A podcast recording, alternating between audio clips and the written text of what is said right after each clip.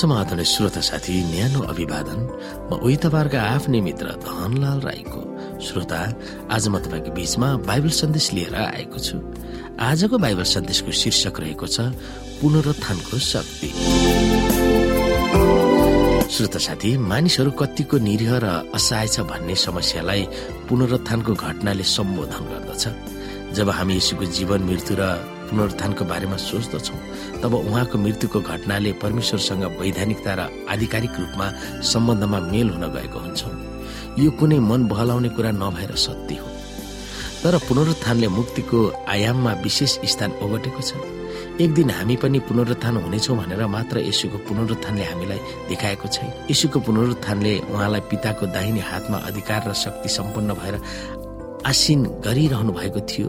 दुई हजार वर्ष अघि मात्र होइन यसैले पुनरुत्थानमा पाउनु भएको अधिकार र शक्ति हाम्रो निम्ति अहिले पनि उपलब्ध छ। परमपिताको शक्तिको बारेमा पावलले एफिसीमा चर्चा गर्दछन्।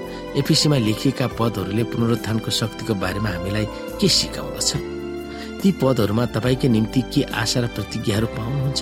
हामी हेर्न सक्छौँ हाम्रो प्रभु श्री ख्रिस्टमा परमेश्वर र पिताको प्रशंसा होस् जसले हामीलाई स्वर्गीय स्थानहरूमा हरेक आत्मिक आशिषले ख्रिस्टमा आशीर्वाद दिनुभएको छ। उहाँको सामान्य पवित्र र निष्कलङ्क हौ भनेर संसारको उत्पत्ति भन्दा अघिबाटै उहाँले हामीलाई चुन्नुभयो उहाँको इच्छाको लक्ष्य अनुसार ख्रिस यसुद्वारा प्रेममा उहाँले हामीलाई आफ्ना सन्तान हुनलाई अघिबाटै नियुक्त गर्नुभयो। यस हेतुले कि उहाँले हामीलाई आफ्ना प्रिय पुत्रमा सित्तेमा दिनुभएको आफ्नो महिमामय अनुग्रहको प्रशंसा होस्। उहाँको अपार अनुग्रह अनुसार ख्रिसको रगतद्वारा हामी उहाँमा उद्धार हाम्रा पापको क्षमा पाउँछौ। जुन अनुग्रह उहाँले हामीलाई प्रशस्त मात्रामा दिनुभयो।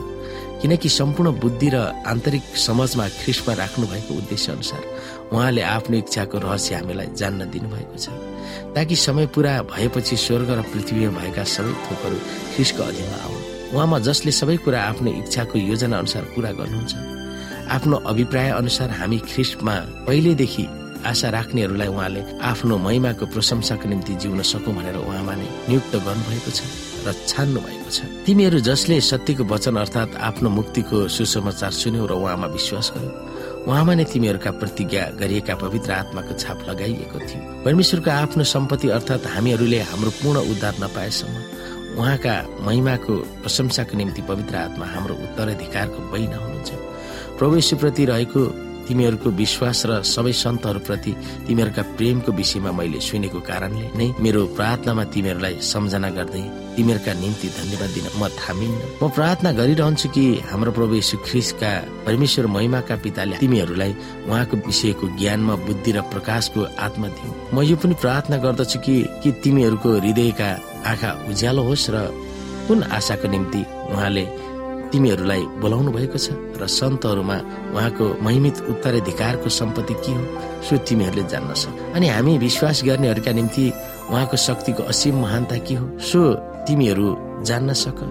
त्यो शक्ति उहाँको महान सामर्थ्यको काम नै हो। जो उहाँले ख्रिसमा पुरा गर्नुभयो जब उहाँले ख्रिसलाई मरेकाहरूबाट जीवित पार्नुभयो अनि स्वर्गीय स्थानहरूमा आफ्नै दाहिने बाहुल्यपट्टि बसाल्नु भयो सबै शासन र अधिकार र शक्ति राज्यमाथि र यस युगका मात्र होइन तर आउने युगका पनि जति नाउ छन् ती सबैमाथि उहाँलाई राख्नुभयो। र परमेश्वरले सबै कुरा उहाँका पाउमुनि राखिदिनु भयो र मण्डलीको निम्ति उहाँलाई नै सबै कुराको शिर बनाइदिनु भयो जुन मण्डली उहाँको शिर उहाँको पूर्णता हो र उहाँले नै सबै थोक परिपूर्ण पार्नुहुन्छ।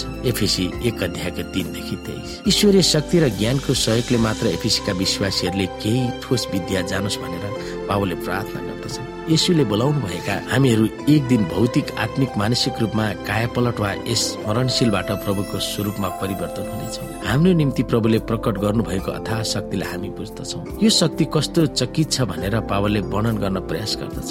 जुन शक्ति अहिले पनि हामीलाई उपलब्ध गराइएको छ त्यो केवल मृत्युमा जमिनमा गाडिएर पुनरुत्थानको निम्ति मात्र होइन तर हामीलाई पिताको दाहिने हातमा राख्ने अधिकार पनि दिएको छ। यति मात्रै भनेर पावलले यहाँ रोक्दैन। पुनरुत्थानले यसोलाई केवल केही शक्ति मात्र दिएन तर शासन गर्ने अधिकार र शक्ति र सारा अनन्तभरि उहाँका जनहरूलाई भएको आवश्यकतालाई पूरा गर्न उहाँलाई सशक्त बनाइएको छ। पुनरुत्थान हुनुभएको यसुको शक्ति तपाईँको जीवनको कुन कुन पक्षहरूमा आवश्यक छ त्यसको सूची हामी बनाउन सक्छौँ अनि प्रार्थना गर्न सक्छौँ। कि तपाईँलाई चाहिने क्षेत्रहरूमा त्यो शक्ति उपलब्ध गराइयोस्।